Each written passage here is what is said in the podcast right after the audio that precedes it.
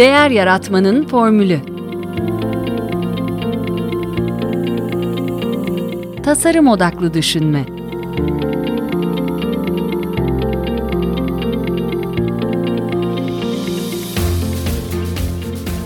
Merhaba, ben Mete Yurtsever. Değer Yaratmanın Formülü Podcast'inde e, bugünkü konuğum World Design Organization Yönetim Kurulu üyesi Sertaç Ersay'ın. Hoş geldiniz Sertaç Bey. Hoş bulduk, merhaba. Ee, çok memnun oldum sizi e, programda ağırladığıma. Ee, ben kısaca yine adet olduğu üzere e, dinleyicilerimize sizi tanıtayım. Ee, sizin de ekleyecekleriniz varsa tabii sonra konuşuruz. Ee, ODTÜ Endüstri Ürünleri Tasarım mezunusunuz. Ee, sonra Koç'ta Executive MBA'niz var. Ee, uzun yıllar, e, 20 yıl kadar Koç grubunda önce Demir Döküm'de ardından e, Uzak Doğu'daki iştirakinde tasarım yöneticiliği yaptınız. E, sonraki e, 6 yılda da e, Kare grubunda tasarım ve inovasyondan sorumlu başkan yardımcılığı yaptınız. E, son 5 yıldır ise e, ulusal ve uluslararası meslek organizasyonlarında yöneticilik yapıyorsunuz. E, Endüstriyel Tasarımcılar Meslek Kuruluşu'nun ve Yaratıcı Endüstriler Konfederasyonu Başkanısınız. E, Dünya Tasarım Organizasyonu'nda yönetim kurulu üyesisiniz. E, 30'dan fazla ödül sahibisiniz. 5 kıtada konferanslara konuşmacı olarak katılıyorsunuz. E, böyle bir özet yaptım. Bilmiyorum eklemek istediğiniz var mı? Ee, çok çok teşekkür ediyorum. Ee, tabii endüstrinin içerisinde ilk günden beri olmanın yanı sıra öğrencilik döneminden beri de STK'ların ve sosyal ağların içinde olmanın keyfini yaşıyorum diyeyim. Ee, herhalde konuşmalarımızın içerisinde detaylara beraber gireceğiz. Şimdi Sertaç Bey belki dinleyicilerimiz inanmayacaklar ama ben e, size neler konuşacağımızı yazı olarak paylaşmadım. Ee, sıradaki sorum şuydu aslında kendime koydum orada dedim ki e, benim tanıdığım birçok tasarımcı içine dönük e, insanlar. E, böyle kendi dünyalarında yaşıyorlar genellikle. Sizde bir örgütçülük de var. E, ve bu sonradan mı gelişti, baştan da var mıydı diye soracaktım. E, yani böyle bu kadar yöneticilikler e, organizasyonlarda e, nasıl? ODTÜ'lüğün verdiği bir şey mi yoksa kişisel bir şey mi? Bu galiba e, ODTÜ'nün bizim dönemde e, benim merakım üzerine keşfettiğim bir e, yönelim. E, o dönemki dünyamız tabii internet yok, bu tip e, dijital mecralar yok. E, değerli kütüphanelerimiz ve kütüphanemizdeki o değerli periyodikler, yayınlar ve dışarıya açılan kapılar e, ve bu kapılar ve yayınlar üzerinde gördüğüm, keşfettiğim aslında ağların gücüydü. Buna dernekler, vakıflar, STK'lar e, neler dersek diyebiliriz. E, biraz o yol beni, e, o merak oraya doğru iletti. Yani belki yine konuşmalar içerisinde ilerleriz ama şunu fark ettim farklı kültürler, farklı alanlar ve farklı disiplinlerden temsilcilerle bir araya da olmanın getirdiği değer çok büyük ve o değeri e, üretebilmenin yolu da bu ağların içerisinde olmak. Öyle söyleyeyim. Bana sürekli bazen sürekli demeyeyim de bazen e, eleştiride bulunuyorlar. çok otlu propagandası yapıyorsun, çok otlu şey çıkarıyorsun diye. Elimizde değil yani biraz bizi bir şekilde şekillendirdi yani hakikaten. E... Dayanamadan hemen hemen bir katkıda bulmak istiyorum. Şöyle ODTÜ'nün e, ODTÜ'nün bize öğrettiği ODTÜ'den mezun olduğumuz için okulumuzu anlatıyoruz. Diğer okulların mezunları da kendi okullarını anlatacaklar. Gayet Öğrettiği şey şuydu. Problemle nasıl başa çıkılır? Çözüm yöntemleri nasıl geliştirilir? Ve de sonuca gidinceye kadar nasıl mücadele edilir? Yani bu bu ilkelerle e, her alanda, her disiplinde, her mezun e, mücadele ediyor. Dolayısıyla bu zaten tavsiye ettiğimiz bir metodoloji. Çok doğru. Peki o zaman şöyle başlayalım. Ee, iyi bir tasarımcı olmak için ne gereklidir diye sorsam. Evet şöyle diyebilirim ben. Çok farklı bir yerden bakarak da e, gireyim konuya. E, tasarımla sanat arasındaki temel bir farka referans eden iki cümle söyleyeyim. E, sanat ve sanatçı kendini gerçekleştirir ve bekler. Yani birileri fark eder kabul eder, kabul etmez. Zaman içerisinde farklı şeyler olabilir, yaklaşımlar olabilir. Ama tasarımcı kendini gerçekleştirmek diye birinci sıraya koymamalıdır. Koymaz da problemin odaklandığı sürecin kendisini gerçekleştirmeye, çözmeye, ilerletmeye çalışır. Dolayısıyla tasarımcıyla sanatçı ve sanat arasındaki farkı böyle ortaya koyduğumuzda o zaman demek ki tasarımcı aslında probleme odaklanan, gerçek ihtiyaca odaklanan, doğru çözümler getiren, getirirken de çevreye, ekosisteme e, getirebileceği olumlu yanlarla beraber olumsuz faktörleri de düşünebilen bir disiplinler arası da geçişte önemli bir rol üstlenen bir alan diyelim buna. Hani bunu açtığımızda açarız zaten beraber ama böyle bir özelliği var. Dolayısıyla böyle bakınca da problem çözen bir alan. Problemi çözerken de işbirlikleri kuran bir alan olarak ben bakmak istiyorum. Peki şimdi biraz siz sanatla e, karşılıklı bu değerlendirdiniz. E, benim sorumu biraz şeye e, soktu, e, çıkmaza soktu belki bilmiyorum. Herkes tasarımcı olabilir mi diye soracaktım. Şöyle, e, herkes tasarımcı olabilir mi? Tabii ki herkes tasarımcı olabilir. Kendi yaşamı içerisinde, e, içinde bulunduğu ekosistemlerde. Nedir tasarım? Aslında mevcut olan problemleri yani çözmemiz gereken ve önümüzde duran meselelere e, bir yaklaşım geliştirmektir. Ama şimdi herkes neden de olamayabilir dedi bir dönelim. Çünkü tasarım problemi çözerken kaynak kullanmaktır, bir metodoloji kullanmaktır, e, ileriye dönük bir yaklaşımlara ne diyelim kendi içinde ve ölçeğinde liderlik yapmaktır. E, tasarım çok soyut bir kavramdır. Tasarımcının önemli bir rolü var. O konuşulan bir ton soyut kavramı bir araya getirerek somutlaştırır ve o somut kavramın üzerinden de tartışmalar açar, platformlar oluşur, müzakereler oluşur. Dolayısıyla eğer tasarımcı yanlış bir yola, yanlışı doğrusu da bunun nedir o ayrı bir şey veya ne diyelim arzu etmediğimiz bir yola ittiyse bütün bu paydaşları ve sistemleri çok uzun bir zaman dilimi sonra hey neredeyiz biz neler yapıyoruz bu kadar kaynak harcadık bu kadar enerji harcadık başladığımız yer şurasıydı geldiğimiz yer burası oldu ne oldu diyebiliriz. O yüzden de tasarımcı kendi yaşamı içerisinde kendi dokunduğu alanlarda herkes kendi yaşam dilimi içerisinde bu alana bir şeyler katabilir ama bunun artık e, o, o küresel kalkınma planları içerisinde bir yeri var. Sosyal refah içerisinde bir yeri var. Kaynak kullanım içerisinde bir yeri var. E, e, çevreye, gezegene verdiğimiz zararlar konusu bir yeri var. Ürün, yaşam, insan ilişkisi içerisinde bir yeri var. O zaman da baktığımızda yani herkes tasarımcı olabilir mi? Bu da başka bir artık alan olmaya başlıyor. Bu alanın içerisinde tasarım alanına liderlik eden, e, disiplinlere liderlik eden profillerin de bu konuda çok yetkin temel eğitimlerini almış, disiplinler arası bu, bu yönetimi yapabilen, kendini ifade edebilen bir meslek alanında olması gerekiyor. Dolayısıyla burada biraz hani eğitim şart diyoruz. Ee, öyle bir demek bakmakta fayda var. Ayşe Birsel'le yaptığımız podcast'te de ben şey örneği vermiştim. Yani herkes yemek yapabilir ama herkes de Michelin e, yıldızlı e, restoranda şef olamaz yani sonuçta. A- aynen aynen çok güzel bir metafor olmuş. Aynen öyle. Kendiniz için yapabilirsiniz. Arkadaşlarınız için yapabilirsiniz ama büyük bir ekosistemden bahsediyoruz. Neden? Yaptığımız bu yemekler, tasarımlar diyelim o kadar çok e, tur atıyor ki dünyada. Etkilerini yani bambaşka parametrelerle düşünmek gerekiyor. Gezegende dolaşıyor. Bizlerden daha çok dolaşıyor tasarladığımız Hı. ürünler dünyada. Tam da şimdi onu soracaktım. Yani e, dünyada tasarımdan beklenti artıyor e, sanırım. E, yani sistemin e, bütün yükünü sanki size yüklüyorlar gibi geliyor bana. Yani onca yıl e, sürekli sizi daha güzel, daha şık diye e, koşturdular. Şimdi de daha yeşil, işte daha az e, malzeme e, kullanın diye sizi yani sürekli olay tasarım üzerinden gidiyor gibi geliyor bana. Şimdi zaten şöyle bir paradigmanın içerisindeyiz hep beraber.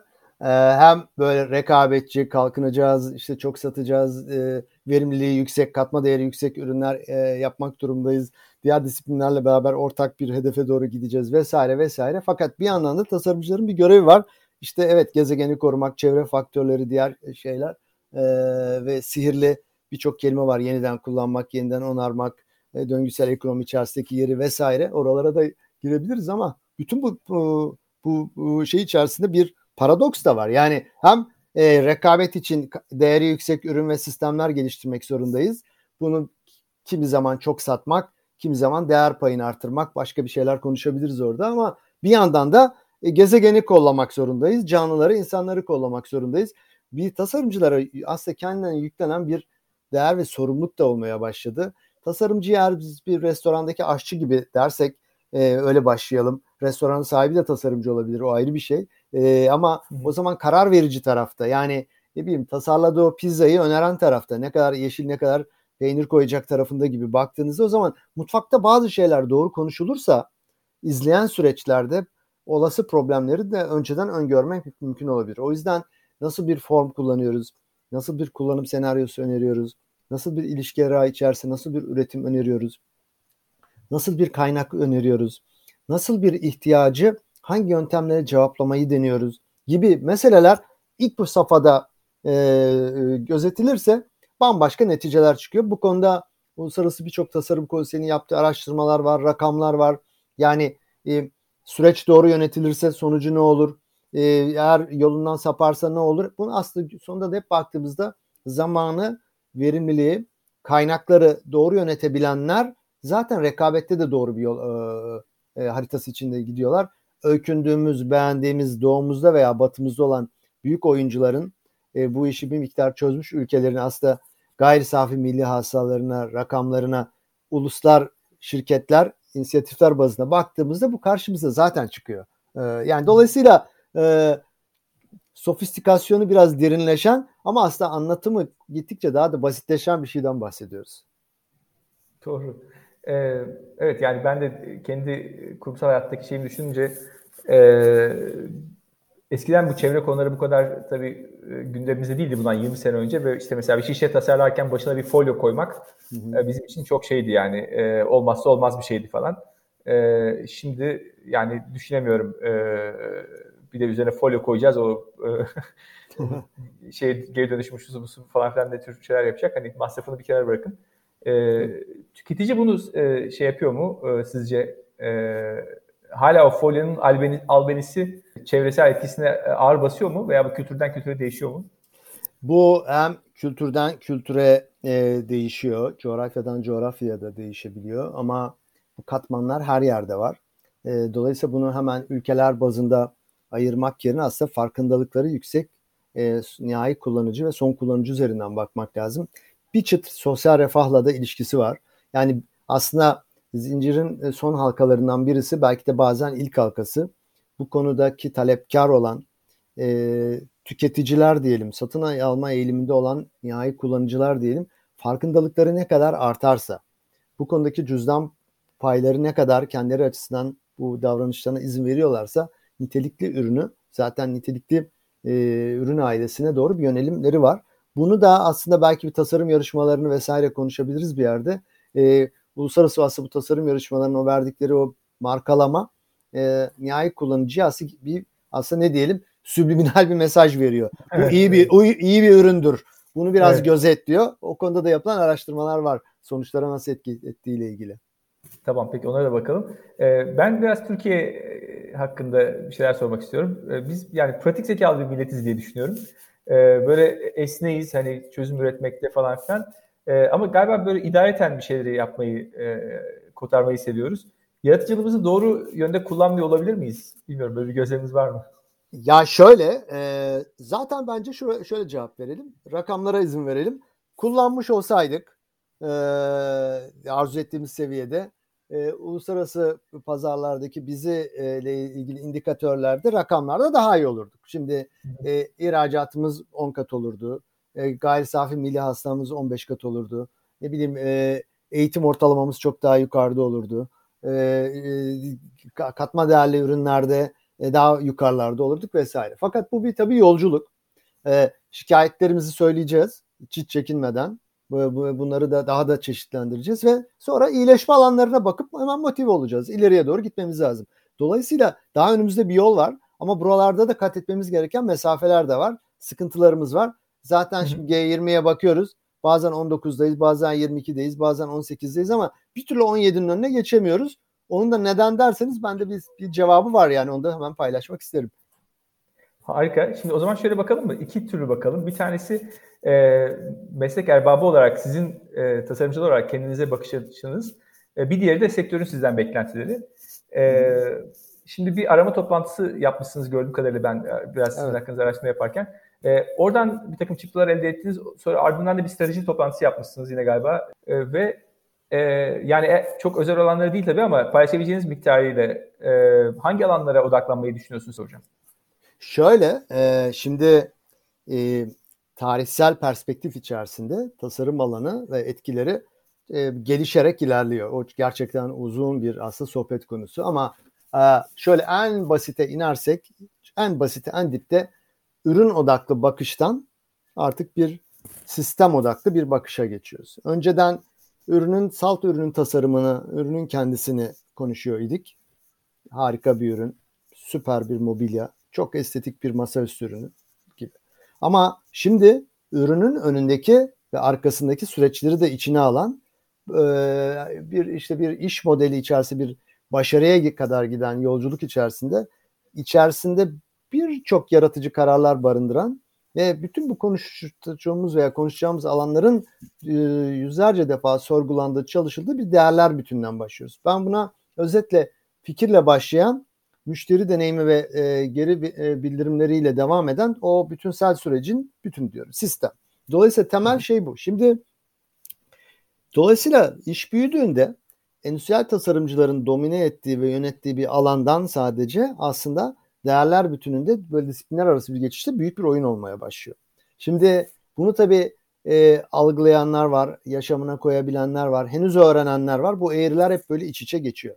O yüzden de bizim strateji ve arama toplantılarımızda özellikle biz salt tasarımcılarla değil, e, tasarım alanının paydaşlarıyla, karar vericileriyle, işverenleriyle karma bir grupla bunu değerlendirmeye çalıştık. Sırf STK'ların değil, A'ların değil, alanın nereye gittiği ile ilgili. Aslında bir takım öngörülerimiz var ama bu müzakereyi beraber yapmak zorundayız ve beraber bulmak zorundayız.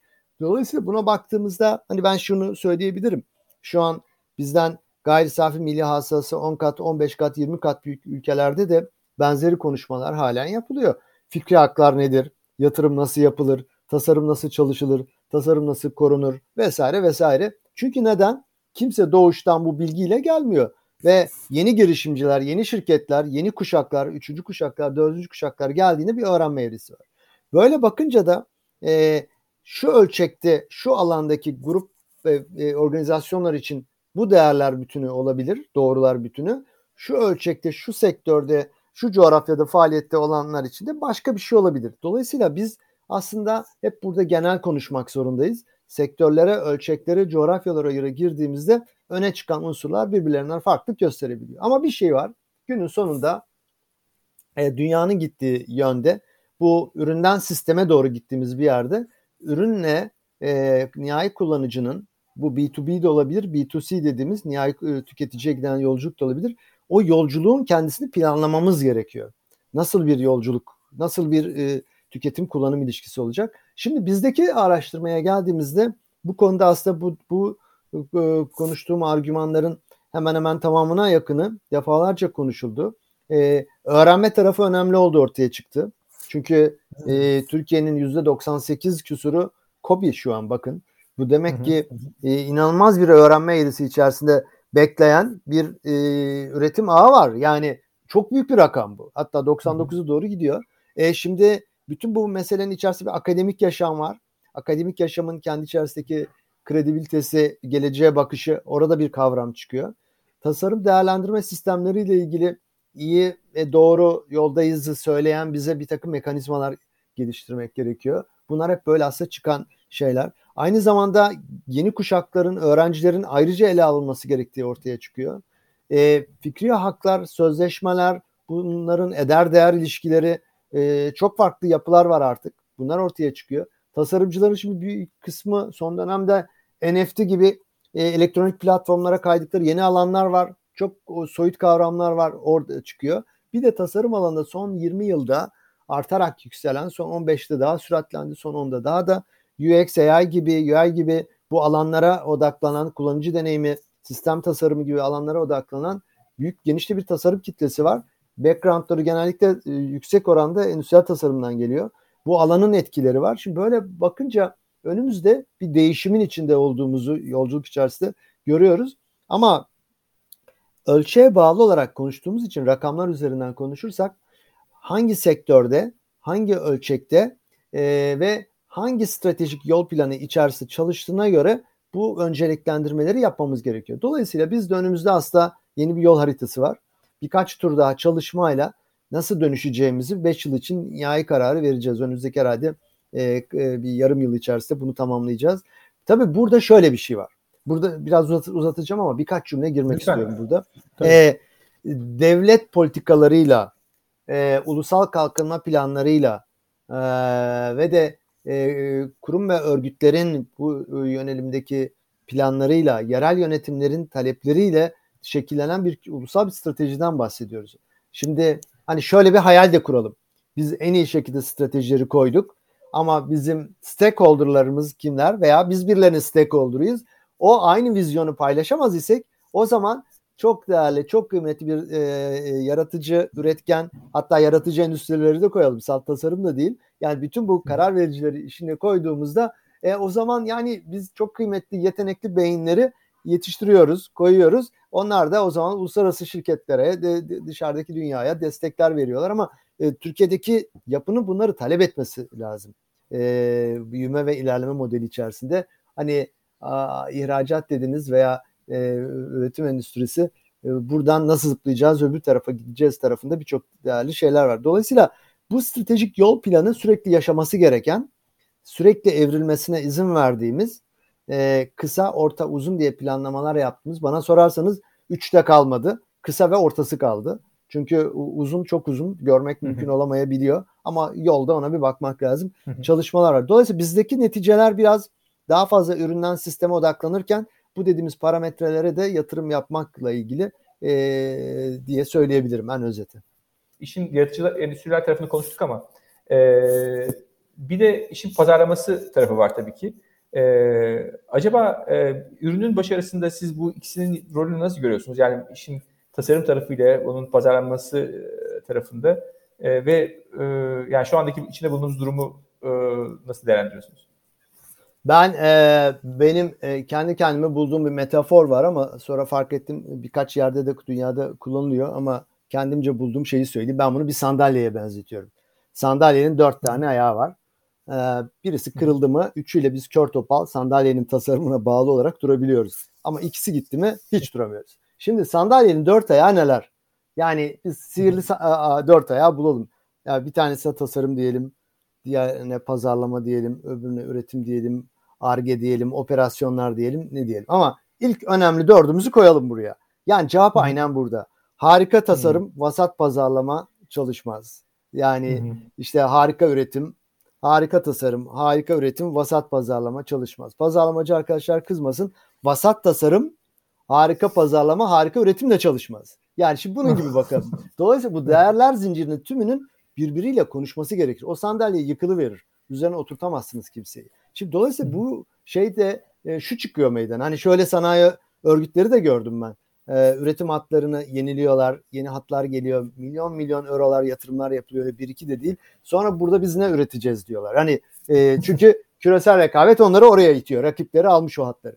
Burada e, bütün bunların beraber konuşulduğu bir şeyden bahsediyoruz. Bir alandan bahsediyoruz. Dolayısıyla tasarım üzerinden e, konuşmaya başladığımızda tüketiciye yakınız. Pazarlama üzerinden de konuştuğumuzda tüketiciye yakınız. Yani kullanıcıya, Tabii. müşteriye yakınız.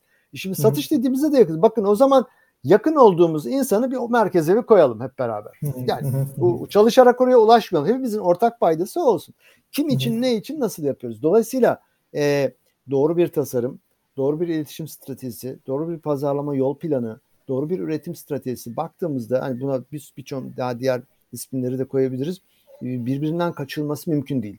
Özetlersek ama burada e, bizim bu konuşmamızı dinleyen belki endüstriyle bu derinlikte ilişkisi olmayan genç arkadaşlarımız da olabilir. Hani şunu şu basitçe şöyle söylemek isterim.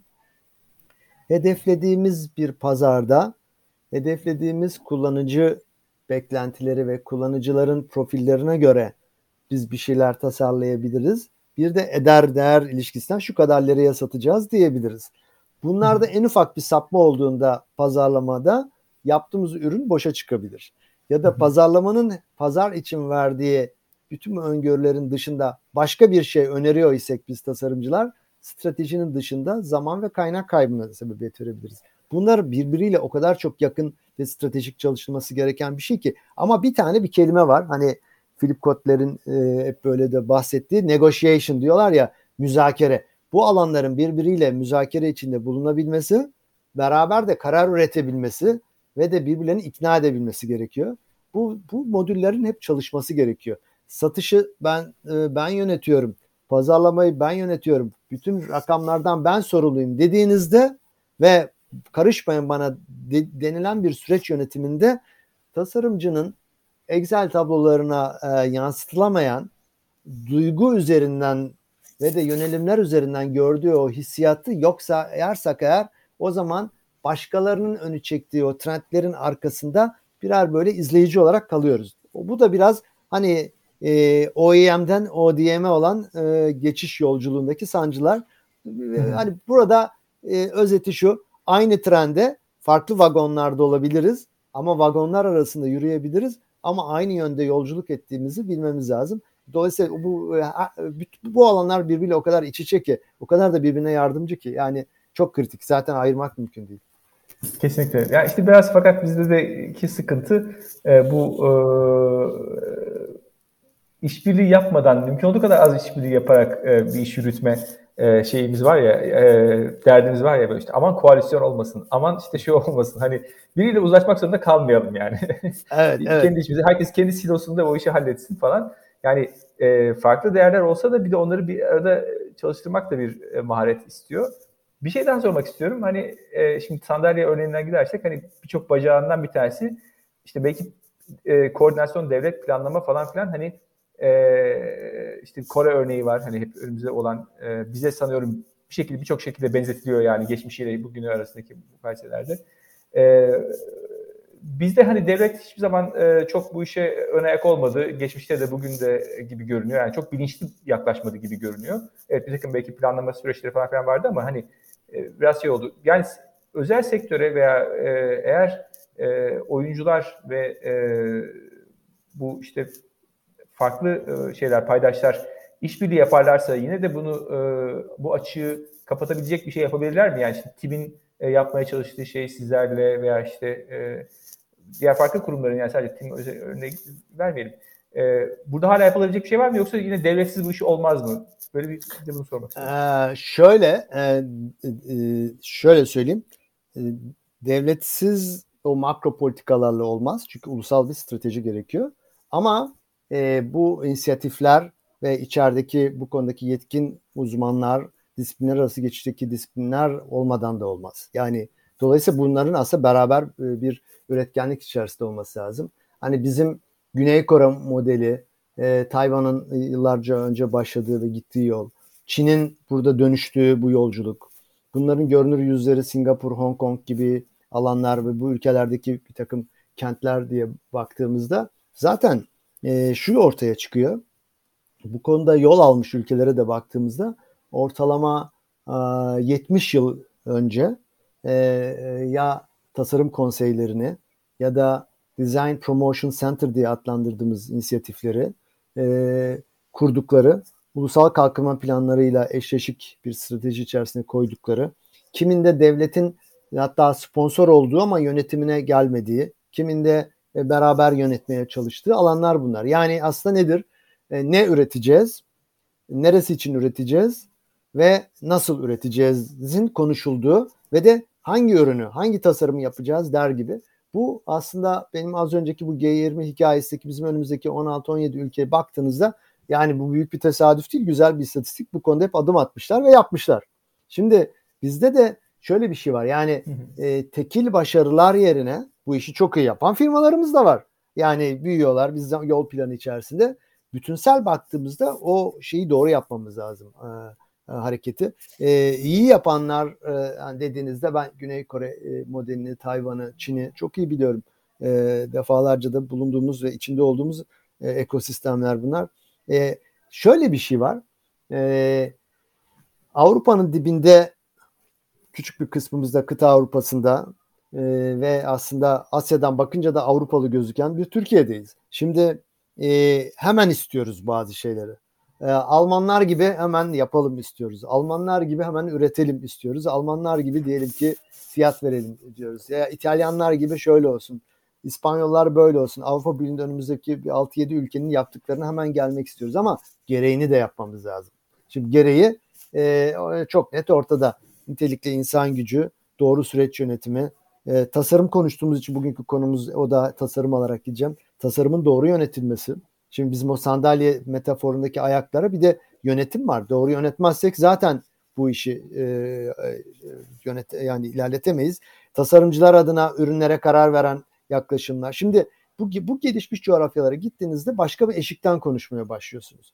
E, endüstri de girişimci de bu konuda daha fazla farkındalık. Şimdi ülkede de tabii bunun birkaç ayağı var.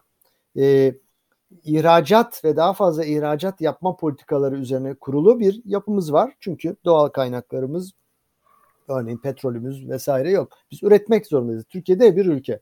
De, e, üretim ülkesi daha doğrusu. Bu üretim ülkesi Türkiye'ye bir fabrika metaforuyla baktığımızda bir endüstriyel tesis için ne söylüyorsak ülkeye de o zaman bunu söylememiz gerekiyor. E, doğru planlama, doğru vesaire. Ama e, değerler zinciri diye de bir kavramımız var. Bu değerler zincirimiz nedir? Hani yine e, tasarım konuştuğumuz için tasarımı bir başa koyalım. E, kendimize bir pozitif ayrımcılık yapalım. Başında veya sonunda olması önemli değil zaten. Zincirde olması önemli. Yani o zaman aslında marka, pazarlama, inovasyon, tasarım, üretim, e, e, tedarik bu değerler zincirinin görünür olanları var. Görünmeyen arkadaki olanları var. Yani e, hatta şöyle küçük de bir gülümseyelim. Biz bir ürünü e, yarım santim geniş yaparsak e, bunun kutu ve ambalaja etkisi iki buçuk santim olabilir. Konteynerlarda bir anda bir bakmışsınız şu kadar adet az olabilir. Bakın size bir şey. Dolayısıyla bunu bütün böyle bir verimlilik üzerinden konuştuğumuzda başka bakmamız gerekiyor. Tasarım şöyle bir alan değil artık. Orada bizim çocuklar var. Ee, çok güzel şeyler yapıyorlar. Alkışlıyoruz. Öyle değil. Tasarım tam aksine board'da stratejik yol planı içerisinde en başta konuşulması gereken, en sonda da konuşulması gereken değerler bütünü. Ne yapacağınızı ve hangi yöne gideceğinizi o aşamada bilirseniz bütün kaynak kullanımını oralarda yapabilirsiniz. Tasarım görünmez stratejilerin tamamını görünür kılan bir şey. Nedir o? Çünkü ürettiğimiz ürüne dokunuruz, etrafında dolaşırız, içine gireriz bazen araba gibi, banyo gibi, mutfak gibi, bazen giyilebilir bir teknoloji gibi üzerimize alırız. Bazen elimizde kullanırız, iletiriz vesaire. Şimdi buradan kaçmamak lazım. Bu senaryo deneyim yumağı diyelim buna. Deneyimler bütünü bizim özenle bakmamız gereken bir şey. Şimdi Türkiye'de bunu yeni öğreniyor. Çünkü e, öğrenenler var, öğrenecekler var. Bazı sektörler çok daha ileri gitti rekabet ve yapıları gereği. Bazı sektörler henüz öğreniyor. Yani bir ton sektör sayabiliriz şimdi. E, ben hani şu an ezbere bir 20 tane arka arkaya konuşabilirim. Hiç ayırmadan söyleyeyim. E, o yüzden şimdi neredeyiz biz?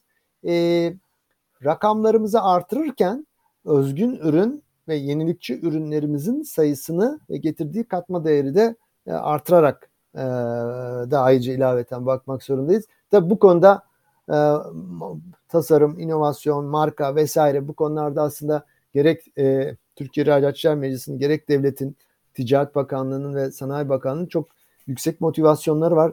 Ciddi destekler var her iki bakanlıkta da. Ama e, şu bu desteklere sırtımızı dayayarak ve desteklerin yardımıyla ayağa kalkalım ama bunu kendi içimizde sürdürülebilir e, ve e, ve organizasyon yapımızı, yönetim modellerimizi değiştirerek bu işin içinde olalım noktasında olmamız lazım. Şirketler ve organizasyonlar bu alanı bir çıt daha farklı bence yönetmeli. Orada bizim çocuklar var bu işi çok iyi yapıyorlardan.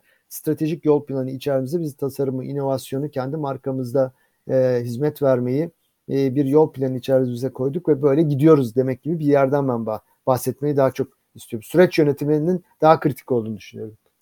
Peki o zaman e, kapatırken, yani bağlarken, sonunu bağlarken şuna da getireceğim. E, hep bunu konuştuk aslında. Değer yaratmanın formülünü konuştuk ama e, yine bir e, özet olarak e, birkaç cümleyle belki sizce bunların hepsi aslında konuştuğumuz şeyler e, değeri etki eden, değer yaratmayı etki eden şeyler ama ne söylersiniz değer yaratmanın formülü olarak Sertaç Ersay'ın?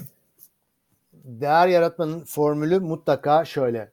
Samimi bir şekilde odaklanarak e, odaklandığımız problemin üzerine mutlaka olumlu yönde bizi ileriye götürecek. Hani İngilizce'de diyoruz ya moving forward diyoruz. Böyle sürekli hı hı. üzerine bir şey koyduğumuz ve ileri gittiğimiz, fayda sağlayan, çözüm üreten, çok özünde de yeni bir sorunla bizi yüzleştirmeden e, bizde ne diyeyim konforlu, bizi mutlu eden e, bir alan içerisinde ilerlemek. Bu, bu bir ürün tasarımı ise ürünün kendisi olabilir veya duygusal yolculuğumuzda kendi içerimizdeki ilerleme olabilir. Yani bile bile hata yapmadığımız, bile bile zarar vermediğimiz bir süreç içerisinde samimi bir şekilde çözerek ilerlemek.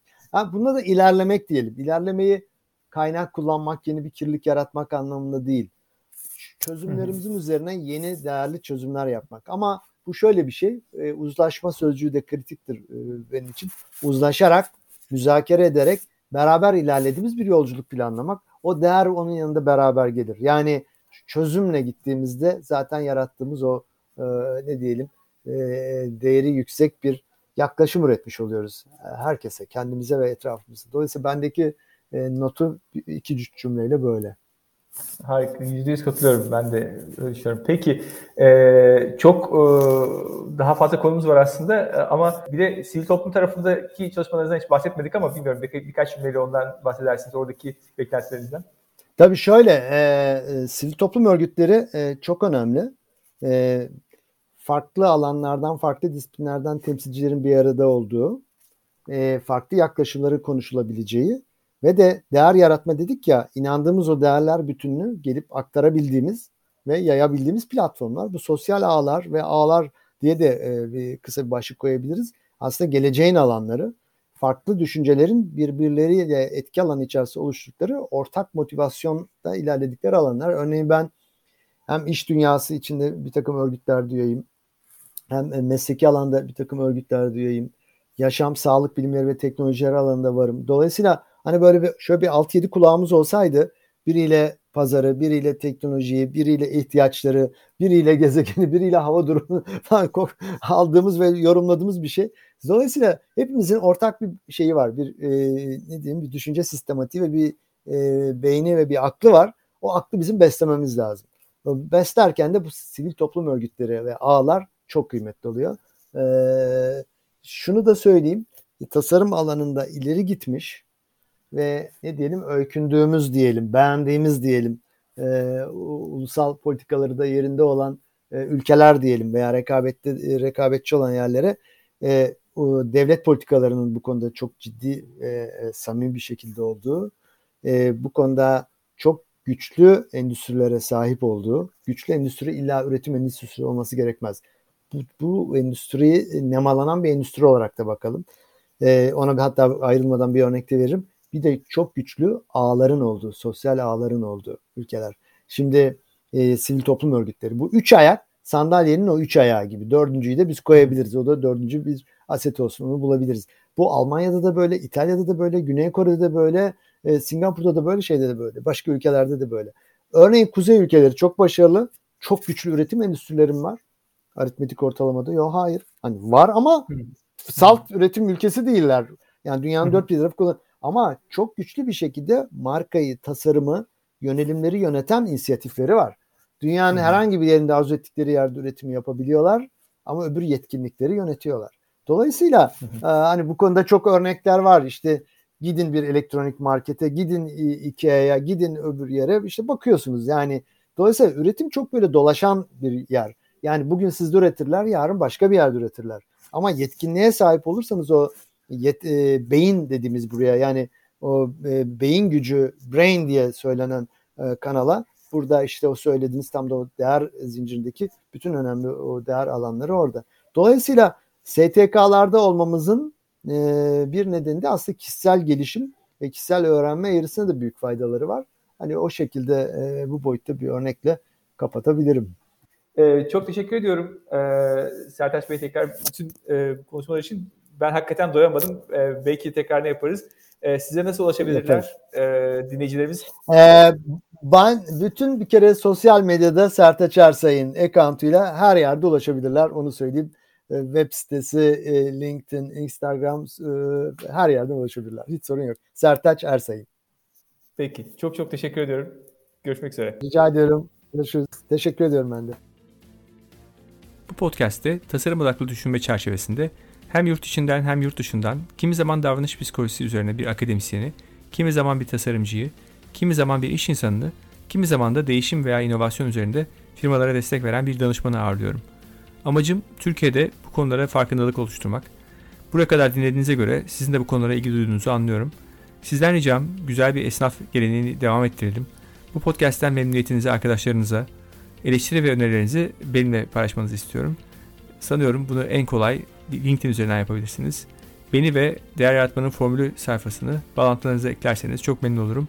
Desteğiniz için çok teşekkür ederim. Tekrar görüşünceye dek sağlıkla kalın, hoşçakalın.